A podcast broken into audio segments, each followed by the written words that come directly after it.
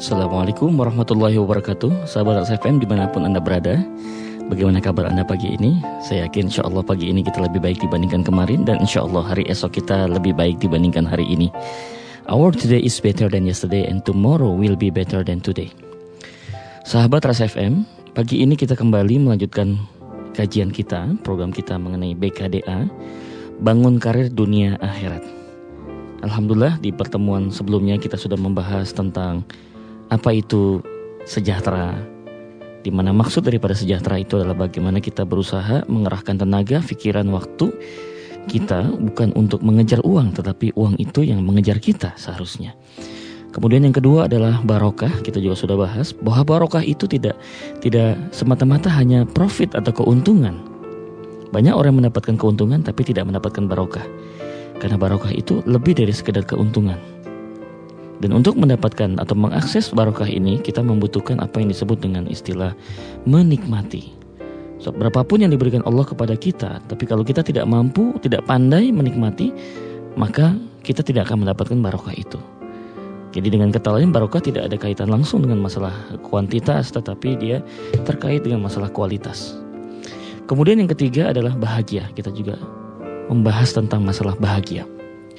Yaitu bahagia bagaimana kita bisa mencapai tiga target. Yang pertama adalah diampuni dosa-dosa kita oleh Allah Subhanahu wa taala. Kemudian yang kedua adalah mendapatkan hidayah, bimbingan dari Allah untuk senantiasa berada di dalam surat mustaqim. Kemudian yang ketiga adalah mendapatkan jannah, mendapatkan surganya Allah di akhirat nanti. Saya rasa tidak ada satupun di dunia ini orang yang tidak ingin mendapatkan tiga hal ini. Dan saya sangat yakin, dan kita semua harus yakin dan percaya bahwa ketika seseorang mendapatkan tiga hal ini, maka sebenarnya dia sudah mendapatkan sebuah kebahagiaan. Yaitu apa yang disebut dengan diampuni dosa, kemudian mendapatkan bimbingan atau hidayah dari Allah, dan yang ketiga adalah mendapatkan surganya Allah. Para sahabat SFM, sekarang kita akan mencoba membahas bagaimana cara kita mencapai SBB tadi? Apa strategi kita? Bagaimana cara kita mencapai sejahtera, barokah, dan bahagia itu? Sahabat Rasa FM, kalau diumpamakan diri kita ini seperti sebuah komputer,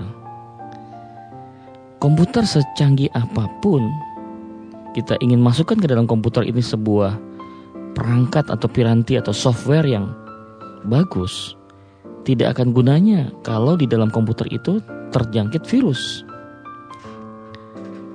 Sehebat apa pun sebuah program, kalau di dalam sistem komputer itu terdapat virus, maka program yang bagus tadi tidak akan ada manfaat. Justru yang terjadi adalah menghancurkan dan merusak sistem komputer itu sendiri. Begitupun di dalam diri kita. Kalau di dalam diri kita masih tersimpan, masih hidup dan berkembang yang namanya virus, maka program sebagus apa pun, nilai-nilai yang kebaikan sebagus apa pun, dia tidak akan memberikan manfaat yang besar dalam kehidupan dia. Tidak mengantarkan dirinya menuju kepada satu perubahan. Sahabat RSFM, kalau ada sebuah gelas Kemudian gelas ini kita akan tuangkan susu. Kita tahu bahwa susu itu adalah manfaat. Susu itu bergizi, membuat yang meminumnya itu akan lebih sehat. Tetapi, kalau susu ini dituangkan ke dalam gelas yang masih kotor, maka susu yang baik tadi akan terkontaminasi dengan kotoran itu, sehingga susu yang tadinya bermanfaat menjadi merugikan manusia. Dasarnya susu tetap baik, tetapi karena dia sudah mulai bercampur dengan kotoran, akhirnya justru tidak bagus untuk kesehatan. Sahabat RSFM, begitupun dalam tubuh kita. Pastikan bahwa di dalam tubuh kita sudah bebas dari segala macam virus, sehingga apa pun nilai-nilai yang ditanamkan atau dimasukkan ke dalam diri kita itu akan memberikan manfaat, baik bersifat duniawi ataupun bersifat ukhrawi. Yang jadi pertanyaan adalah bagian manakah yang harus dibersihkan pertama kali di dalam mencapai sebuah strategi SBB sejahtera barokah dan bahagia itu. Imam Al-Ghazali dalam salah satu kitabnya Ihya Ulumuddin mengatakan bahwa Al-qalbu huwa markazut tagir. Dikatakan oleh beliau bahwa Al-qalbu hati itu markaz dia merupakan pusat sentral at-taghyir perubahan. Jadi kalau kita ingin mendapatkan satu perubahan yang efektif, perubahan yang produktif, perubahan yang mendatangkan satu kebaikan kepada orang yang bersangkutan, maka kita jangan sampai salah di dalam menembak sasaran. Bukan yang dirubah adalah otaknya, bukan yang dirubah adalah fisiknya, tetapi yang dirubah adalah hatinya. Baik, kita sampai pada satu kesepakatan bahwa hati manusia itulah yang harus dilakukan perubahan pertama kali. Bukan otaknya dan bukan fisiknya, tapi hatinya. Pertanyaan berikutnya sahabat SFM. Kita harus bersihkan dari virus macam apa saja yang ada dalam hati manusia. Subhanallah, Nabi kita Muhammad SAW memberikan tuntunan kepada kita setidaknya ada tujuh hal virus yang harus dibebaskan dari tubuh kita. Selama virus itu masih bercokol, masih ada dan berdiam di dalam tubuh kita, maka apa pun nilai-nilai yang ditanamkan ke dalam diri kita tidak memberikan manfaat yang besar dalam kehidupan kita. Jadi sebelum memasukkan, kita bersihkan dulu. Bersihkan dari tujuh hal. Apa yang dimaksud dengan tujuh hal itu? Nabi Muhammad SAW menyatakan dalam salah satu hadisnya dan hadis ini merupakan sebuah doa. Maka sebaiknya nanti kita akan hafalkan doa ini sehingga dalam setiap kesempatan kita selalu bisa membacakan doa ini supaya Allah senantiasa membantu kita untuk jauh daripada tujuh virus ini.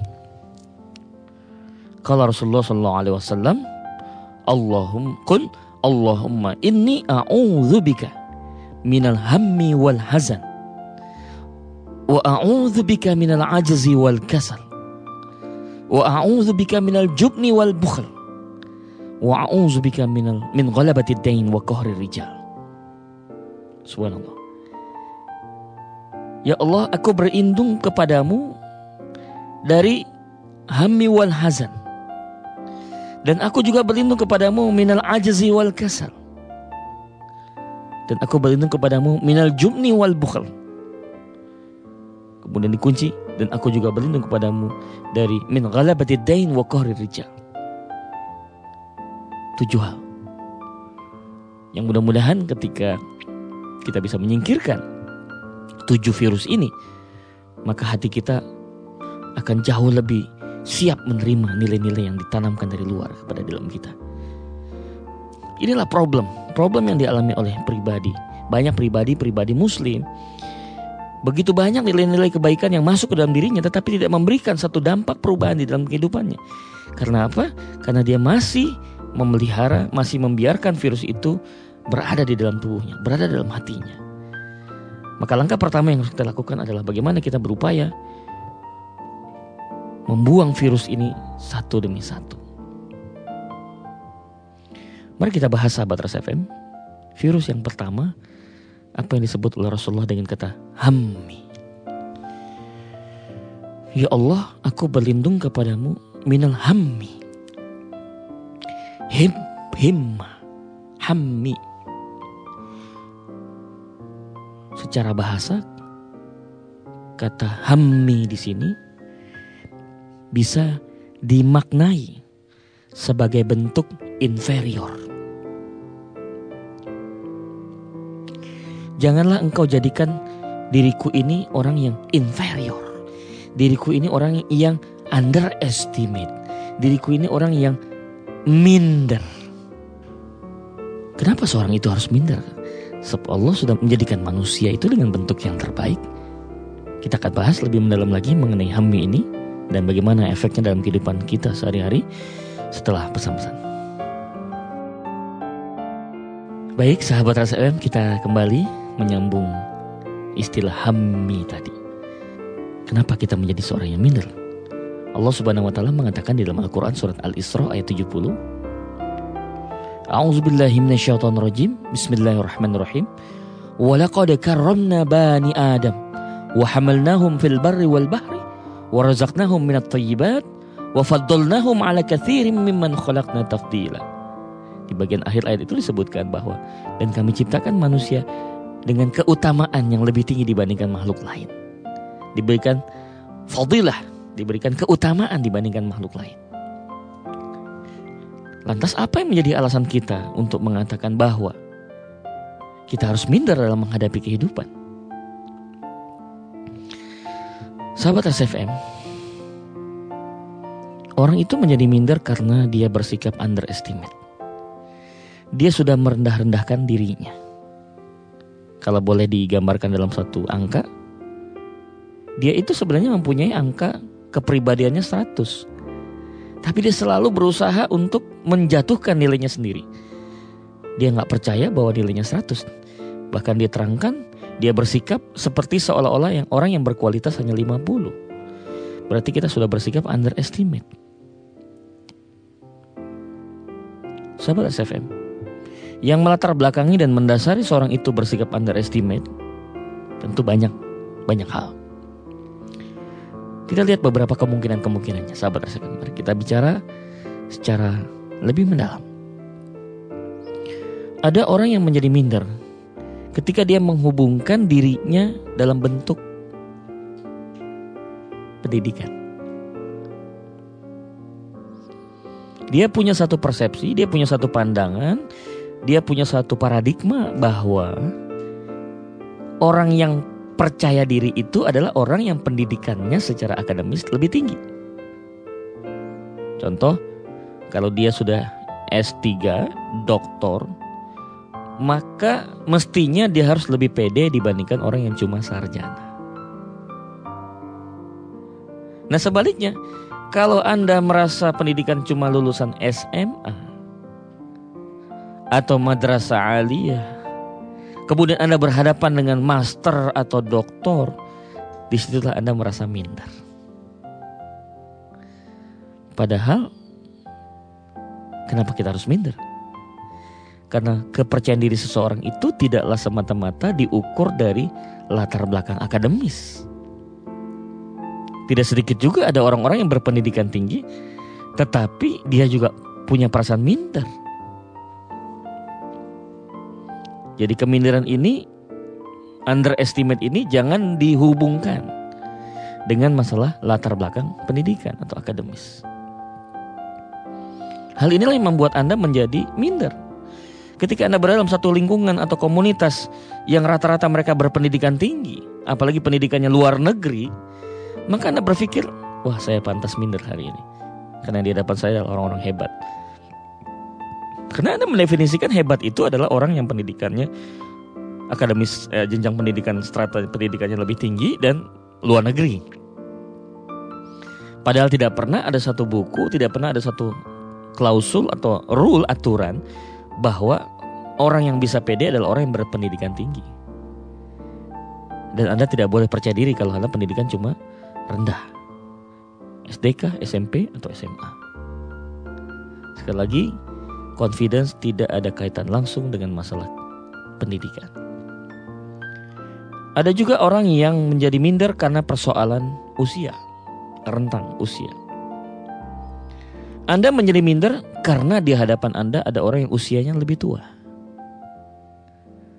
Sedangkan Anda usia lebih muda. Misalnya ketika Anda Anda baru berusia 17 tahun, tiba-tiba yang ada di hadapan Anda berusia 45 tahun misalnya. Anda menganggap bahwa usia yang lebih tua itu pengalamannya lebih banyak. Betul, pengalaman lebih banyak.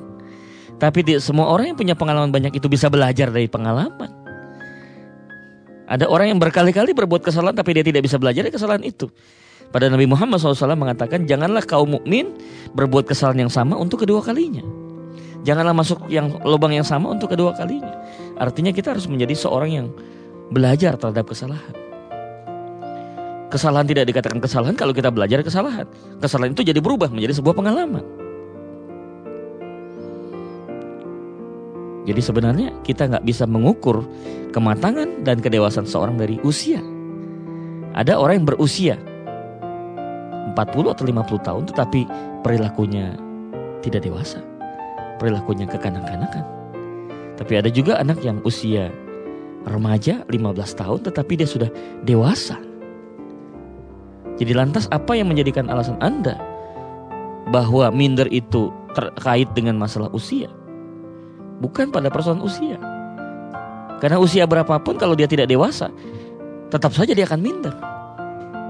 Jadi bukan pada usianya sebenarnya, tapi pada tingkat kedewasaan Anda. Walaupun Anda punya usia yang masih relatif muda tetapi Anda punya kedewasaan, maka orang akan merespek Anda. Orang akan menghargai Anda sebagai teman, sebagai sahabat. Tetapi sebaliknya, tidak akan ada satupun yang respek kepada Anda walaupun usia Anda jauh di atas usia lawan bicara Anda tetapi Anda tidak memiliki kedewasaan.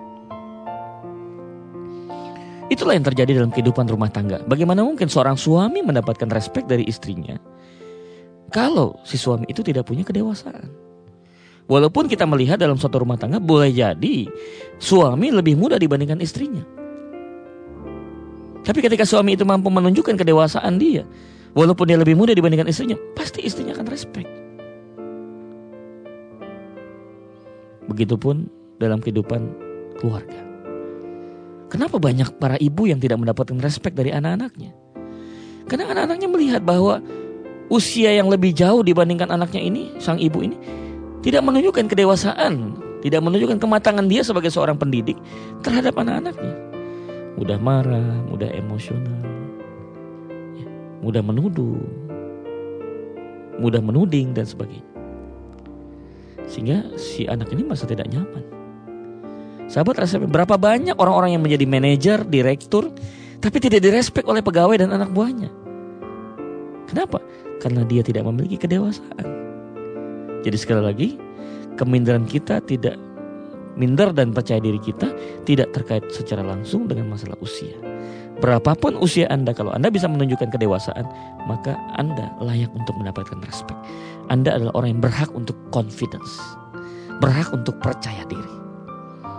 Dan percaya diri bukan sesuatu yang ingin di, didemonstrasikan, tapi itu adalah sebuah hasil dari kedewasaan Anda. Jadi Anda nggak perlu mengejar kepercayaan diri sebenarnya. Yang perlu Anda fokuskan adalah jadilah dewasa. Be mature, jadilah dewasa. Ketika dewasa itu ada, maka otomatis kepercayaan diri akan muncul dengan sendirinya. Dia merupakan bonus yang terjadi akibat seorang itu dewasa. Ya banyak bonus lainnya yang didapatkan kalau orang sudah menjadi uh, dewasa. Itu yang alasan yang kedua, sahabat saya. Tapi ada juga yang menjadikan keminderan itu dihubungkan dengan masalah kekayaan. Dia punya satu pemahaman bahwa dia berhak confidence kalau dia kaya. Tapi kalau berhadapan sama orang yang miskin, ya, dia harus minder. Atau dia ber, dia berada dalam kondisi miskin berhadapan orang kaya, dia minder. Tapi kalau dia sendiri dalam kondisi kaya, dia merasa lebih percaya diri. Ini satu kesalahan. Mengukur percaya diri atau minder itu dari segi kekayaan. Apakah Anda berani memastikan bahwa kalau orang sudah kaya raya, pasti confidence belum tentu. Jangan lupa, kita juga banyak menemukan orang-orang yang sebenarnya dia itu mengalami loneliness, mengalami kesendirian mengalami kesepian di tengah keramaian, mengalami ketidaknyamanan di tengah gel, gel, gel, apa, gelimpangan harta. Ada orang-orang seperti itu. Beberapa pernah saya temui secara langsung. Dan saya belajar dari orang-orang seperti itu. Bahwa tidak bisa kita fahami secara simultan bahwa kalau orang kaya itu berhak pede orang yang tidak kaya, orang miskin itu nggak bisa pede. Karena kepedean itu, kepercayaan diri itu tidak tidak terkait dengan masalah kaya atau miskin. Kenapa saya katakan ada yang kaya tapi tidak pede? Kita selama ini hanya memahami kaya itu hanya bersifat finansial. Padahal kaya itu banyak sekali maknanya. Nanti kita akan bahas setelah pesan-pesan. Sahabat RSFM, Sebagaimana tadi saya katakan bahwa kaya itu tidak hanya satu aspek saja, kaya finansial, Kalau Anda jadi ukuran, jadikan ukuran bahwa kekayaan finansial itu adalah ukuran confidence, kenapa banyak orang yang punya kekayaan secara finansial tetapi dia belum pede? Berarti ada hal-hal lain yang memberikan sebuah kekayaan pada dirinya kan? Kita lihat beberapa contoh. Ternyata kekayaan finansial tidak cukup. Kita harus menambahkan lagi apa yang disebut kekayaan sosial. Apa yang disebut kekayaan sosial? Kalau Anda menjadi orang yang kaya raya, tapi Anda nggak punya teman, apa Anda confidence? Anda nyaman dengan kondisi itu? Karena pergaulan yang baik itu akan mendatangkan kekayaan sosial. Apa yang terjadi ketika Anda menjadi orang kaya raya, tetapi banyak orang yang tidak menghormati Anda, tidak menghargai Anda? Di mana orang pun yang datang dan mendekat pada itu Anda itu kan ingin memanfaatkan kekayaan Anda. Hanya ingin memanfaatkan finansial Anda. Mereka tidak tulus dalam berhubungan dan bergaul dengan Anda. Karena mereka ingin mendapatkan hartanya Anda, mendapatkan uangnya Anda. Ini yang disebut dengan orang-orang oportunis. Dan Anda merasa senang dikelilingi orang-orang seperti itu padahal mereka adalah orang-orang yang yang dibeli dengan uang. Tapi hati mereka tidak untuk Anda. Selama Anda masih punya uang, Anda bisa mengumpulkan orang-orang itu. Tapi ketika Anda tidak punya uang lagi, Anda tidak bisa mengumpulkan mereka. Betapa mengerikannya kita menemukan kalau ada orang yang dengan kekayaannya dia tidak punya pergaulan, dia tidak punya teman sedikit pun. Dia tinggal di sebuah rumah yang besar, tapi dia tidak punya tetangga. Dia memiliki perusahaan, tapi sepertinya dia tidak punya hubungan yang dekat dengan pegawainya. Dia punya keluarga, tapi tidak punya kedekatan dengan istri dan anak-anaknya seolah-olah masing-masing pihak mempunyai dunianya sendiri. Wah ini sungguh sangat mengerikan. Bisa juga kita pahami kekayaan itu bukan hanya finansial dan sosial, tapi juga kekayaan intelektual. Apalah artinya sebuah kekayaan sementara kita bodoh? Biasanya di dalam pergaulan itu yang menjadi pusat perhatian orang yang memiliki pengetahuan dia akan dicari banyak orang. Dia menjadi magnet. Dan yang tidak kalah penting, bahkan ini menurut saya yang paling utama adalah kekayaan spiritual. Kalau orang tidak punya kekayaan spiritual, maka sebenarnya dia belum bisa confidence.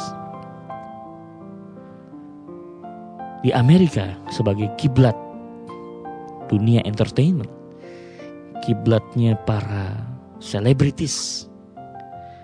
Ada satu hal yang menarik. Ada salah satu aktor yang cukup terkenal di sana. Dan namanya sudah terpampang di Hall of Fame. Sebagai orang yang punya prestasi lebih di dalam dunia perfilman di Hollywood. Dia seorang aktor yang sangat digandrungi oleh para wanita. Dia seorang aktor yang memiliki popularitas yang luar biasa. Kekayaan yang berlimpah. Tapi kekayaan finansial itu masih membuat dirinya minder, belum confidence. Dan untuk menguatkan rasa percaya diri itu, dia tinggalkan semua kekayaan finansial itu dan dia sekarang tidak tinggal di Amerika. Dia sekarang berada di sebuah negara yang terasing di pinggir gunung. Di situ dia mendapatkan kekayaan spiritual. Dia berada di Tibet, namanya adalah Richard Jer. Dan orang yang dijadikan guru spiritualnya adalah Dalai Lama. Sahabat Ras FM, sayang sekali, andaikan seorang Richard Gere itu bisa bertemu dengan Islam, saya yakin dia akan mendapatkan kepuasan yang lebih, lebih, lebih luar biasa di Islam ketimbang apa yang dia dapatkan dari seorang Dalai Lama. Itu sebuah tantangan buat kita bahwa ternyata di balik sebuah kemewahan itu banyak orang-orang yang masih menyimpan kekosongan hati. Dahaga spiritual. Itulah yang harus kita penuhi pada mereka sehingga mereka bisa memenuhi rasa hausnya itu dengan dengan tausiah, dengan sentuhan-sentuhan wahyu ilahiyah. Karena fitrah manusia adalah Islam. Ketika orang mencari selain dari fitrah, maka dia tidak akan nyaman juga. Kalaupun dia merasa tenang itu sebenarnya untuk sementara waktu. Tapi ketenangan yang hakiki tidak akan mungkin didapatkan kecuali hanya Islam. Allah Subhanahu wa taala berfirman dalam surat Ar-Rum ayat 30. A'udzubillahi minasyaitonirrajim. Bismillahirrahmanirrahim. Fa aqim wajhaka lid-dini hanifa. Fitratallahi allati fatara nasa 'alaiha. Dzalika ad-dinul qayyim. La tabdila li khalqillah. Walakin aktsarun nas la ya'lamun maka hadapkan wajahmu kepada din yang lurus, Islam. Kenapa? Karena Islam itu kata Allah fitrat Allah. Itulah fitrah Allah. Allati fataran nasa 'alaiha, di mana Allah menciptakan manusia berdasarkan fitrah. Islamnya fitrah, manusia pun diciptakan Allah dengan fitrah. Jadi fitrah ketemu fitrah klop. Kalau ada manusia yang diciptakan dengan fitrah, tiba-tiba mencari agama, mencari din selain yang Islam, yang tidak fitrah, maka dia tidak akan nyaman dalam hidupnya. Dia akan gelisah, dia akan resah. Stres. Itu alasan yang ketiga. Seringkali menjadikan soal kekayaan sebagai alasan untuk minder atau percaya diri. Sahabat RSFM, sekarang kita tidak punya lagi satu pemahaman bahwa kita baru bisa pede kalau kita punya mobil mewah, kita punya rumah yang besar, kita punya duit yang banyak. Maaf, bukan. Bahwa itu salah satu aspek, iya. Tapi ke, tetapi sebenarnya kepercayaan diri kita tidak semata-mata diukur dari kekayaan finansial, ada kekayaan sosial, ada kekayaan intelektual, ada kekayaan spiritual. Dan tidak ada satupun yang bisa memberikan garansi kepada Anda bahwa dengan dengan kekayaan yang melimpah itu Anda suatu ketika tidak akan habis, tidak akan bangkrut. Itu akan selalu bisa karena dunia ini penuh dengan kesementaraan, tidak ada yang abadi dalam kehidupan dunia. Bahkan sebuah cinta antara dua orang yang lawan jenis menjadi satu suami dan istri itu pun bisa kandas di tengah jalan karena sebuah perceraian. Tapi bukan berarti percaya itu suatu hal yang salah. Artinya ini menunjukkan bahwa sangat manusiawi bahwa kalau orang hidup di dunia itu sifatnya adalah sementara. Dia percaya itu. Yang abadi adalah akhirat. Yang abadi adalah Allah Subhanahu wa taala. Ada juga sahabat yang menjadikan alasan minder dan tidak itu adalah pada persoalan bakat. Ya, karena saya tidak berbakat, maka saya kurang percaya diri. Ini satu prinsip yang perlu diluruskan. Sahabat RSFM, Allah itu maha adil, Allah itu maha berilmu. Allah itu maha bijaksana. Sangat naif kalau kita menuduh Allah bahwa kita nggak punya bakat. Sebenarnya yang yang terjadi bukan kita nggak punya bakat. Kita punya bakat, tapi salah menempatkan bakat. Kita tidak bangga dengan bakat bakat kita sendiri.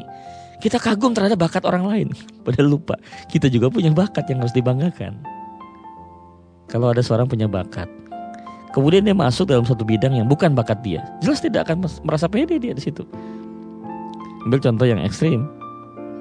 Kalau Anda berbakat main bola, tiba-tiba Anda mengikuti sebuah pertandingan bola basket. Wajar Anda minder. Kenapa? Bukan bakat Anda di situ. Tapi begitu Anda masuk ke dalam lingkungan sepak bola, maka Anda di situ akan menjadi lebih pede. Tapi tidak sedikit sahabat SFM orang-orang yang merasa gengsi ah kurang bergengsi kalau main bola, lebih bergengsi main basket. Dipaksakan dia main basket, padahal bukan bakat dia di situ. Akhirnya yang terjadi justru adalah minder. Kenapa? Ternyata yang jauh lebih hebat daripada dia. Tapi kalau dia kembali kepada jati dirinya, bakat dia yang asli, maka dia akan menemukan sebuah kepercayaan diri. Oh ternyata saya itu lebih berbakat di bidang sepak bola. Biar kata orang itu olahraga yang tidak menjanjikan masa depan. Tapi kalau Anda merasa berbakat, tekuni, fokus. Anda lihat seorang Zidane sampai detik ini walaupun dia sudah pensiun dari main bola, banyak yang menawari dia untuk menjadi pelatih dan konsultan sepak bola. Dengan satu kehidupan yang cukup menjanjikan dalam sehariannya. Ya, jangan pernah menjadikan alasan bahwa bakat itu sebagai satu hambatan Anda untuk menjadi percaya diri. Kita akan sambung setelah pesan-pesan. Sahabat Res FM, kita masih menyisakan satu lagi. Kenapa orang itu bisa minder? Ini dihubungkan dengan masalah kedudukan. dihubungkan dengan masalah posisi atau dihubungkan dengan masalah popularitas atau otoritas. Anda menjadi pede karena Anda punya popularitas. Dia punya definisi bahwa pede itu adalah populernya makin meningkat. Jadi kalau seorang memiliki popularitas yang semakin meningkat, maka dia berhak untuk pede. Berarti orang yang kebalikannya, orang yang tidak populer tidak boleh pede. Kan seperti itu pemahaman yang salah. Bahwa orang yang pantas pede itu orang yang punya posisi, punya jabatan. Jadi kalau Anda nggak punya jabatan, janganlah Anda menjadi orang yang percaya diri. Atau dihubungkan dengan masalah otoritas. Anda boleh pede kalau Anda punya otoritas, punya kekuasaan untuk memerintah orang.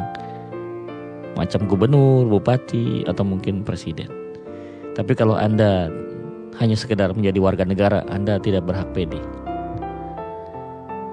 Sahabat RSFM, sungguh dunia ini menjadi sangat tidak indah ketika ternyata orang-orang yang bisa menjadi PD itu adalah orang-orang yang memegang posisi, memegang jabatan, popularitas terlalu sedikit nanti orang yang memiliki kepercayaan diri. Betapa banyaknya orang-orang yang minder nanti dalam kehidupan dunia ini. Sahabat RSFM, sekali lagi saya ingin katakan bahwa PD, percaya diri, tidak ada hubungan dengan popularitas, tidak ada hubungan dengan masalah posisi dan otoritas.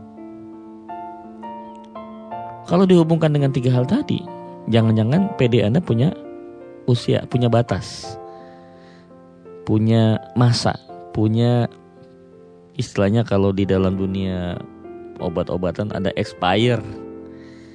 Jadi Anda berlaku PD itu saat memegang posisi. Nah setelah nggak megang posisi, maka dia jadi minder. Mungkin Anda pernah mendengar apa yang disebut dengan penyakit psikologis yang disebut dengan sindrom pasca jabatan atau post power syndrome. Pernah dengar ya Anda ya? Sindrom setelah tidak memegang satu posisi. Dulu dia adalah seorang pejabat. Dulu dia seorang menteri. Dulu dia adalah seorang jenderal. Dulu adalah seorang presiden direktur. Tapi dengan berjalannya waktu, maka jabatan itu tidak bisa dipegang dia selamanya. Tiba-tiba dia harus digantikan orang lain atau turun karena masanya sudah habis. Apa yang terjadi? Kita lihat. Kalau confidence-nya diukur dengan posisi jabatan otoritas atau popularitas, maka setelah tidak mendapatkan itu semua, maka dia menjadi berubah menjadi orang minder. Dan kalau ini terjadi, maka orang seperti ini akan rentan terkena penyakit post power syndrome. Ciri-cirinya biasanya itu sensitif, mudah tersinggung Kedua, kurang bisa menempatkan diri dalam pergaulan. Kenapa saya katakan begini? Karena dia masih merasa sebagai pejabat. Dia ingin semua orang itu memperlakukan dia seperti pejabat. Padahal notabene secara de facto, secara faktanya dia sudah tidak jadi pejabat. Tapi masih ingin mendapatkan privilege keistimewaan sebagai pejabat. Terus sahabat RSFM, biasanya tuh di kartu namanya tertulis. Di bawah namanya itu tertulis.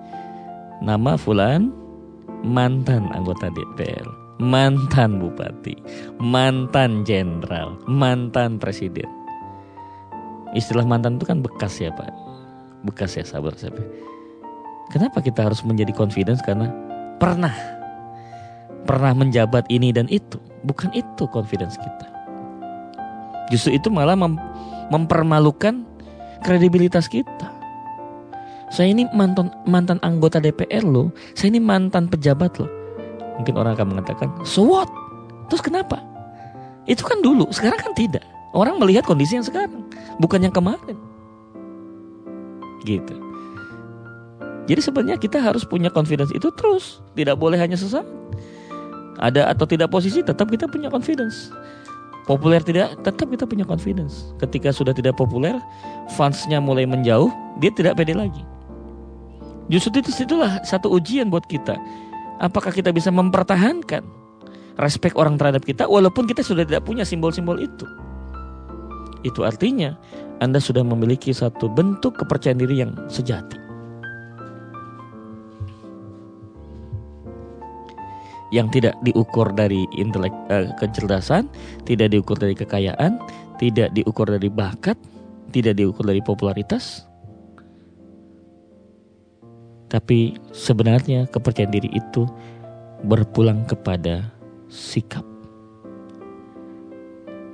Saya sering mengatakan di dalam berbagai kesempatan dalam acara ceramah, seminar, talk show, atau mungkin eh, pelatihan, saya katakan begini. Success does not depend on your altitude. Success does not depend on your aptitude. But success depends on your attitude.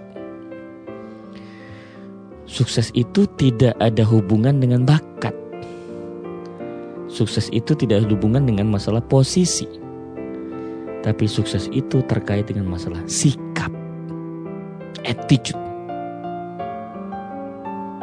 Walaupun orang menilai Anda itu tidak berpendidikan tinggi, Anda tidak punya kekayaan finansial yang cukup memadai, Anda tidak punya otoritas, Anda tidak terkenal, tapi kalau Anda punya sikap, maka Anda adalah orang yang berhak untuk percaya diri. Karena sikap itulah kekayaan yang terbesar. Sikap itulah yang merupakan sebuah harga yang mahal dalam sebuah pergaulan. Itulah sebabnya di dalam Al-Quran Allah memberikan satu pengakuan, satu penghormatan kepada manusia yang sangat istimewa. Dalam surah Al-Qalam ayat keempat, Allah Subhanahu wa taala berfirman, A'udzubillahi minasyaitonirrajim. Bismillahirrahmanirrahim. Wa innaka la'ala khuluqin azim. Sesungguhnya engkau Muhammad berada pada akhlak yang agung. The great personality in the world. Manusia yang memiliki kepribadian yang paling agung di dunia ini adalah Nabi Muhammad. Jadi penghargaan yang diberikan Allah kepada manusia itu bukan hanya kepada fisiknya Muhammad, bukan semata-mata pada pada otoritas dan posisi yang dia miliki, tetapi Allah memberikan penghargaan itu kepada akhlaknya dan akhlak itu bicara masalah sikap. Kenapa beliau diberikan gelar Al-Amin? Karena sikapnya. Bukan karena dia anak seorang tokoh, bukan karena dia itu punya popularitas, tidak. Diberikan gelar Al-Amin karena dia punya sikap. Samanya antara perbuatan, pikiran, dan hatinya, ucapan. What you say What you feel, what you think match. Apa yang Anda pikirkan, apa yang Anda rasakan dan apa yang Anda bicara itu semua sinkron. Membentuk sebuah sikap. Disebut dalam Islam akhlak. Sahabat RSFM, akhlak ini sering kita pahami satu bentuk perilaku yang bersifat etis dan sopan. Bahwa yang nama sopan bagian dari akhlak saya setuju, tetapi sopan tidak sama dengan akhlak. Akhlak tidak ada tidak sama dengan etiket atau etika. Akhlak ya akhlak. Istilah bahasa Arab itu istilah yang sangat lengkap dan sempurna. Kita tidak bisa samakan antara etika, etiket dengan akhlak.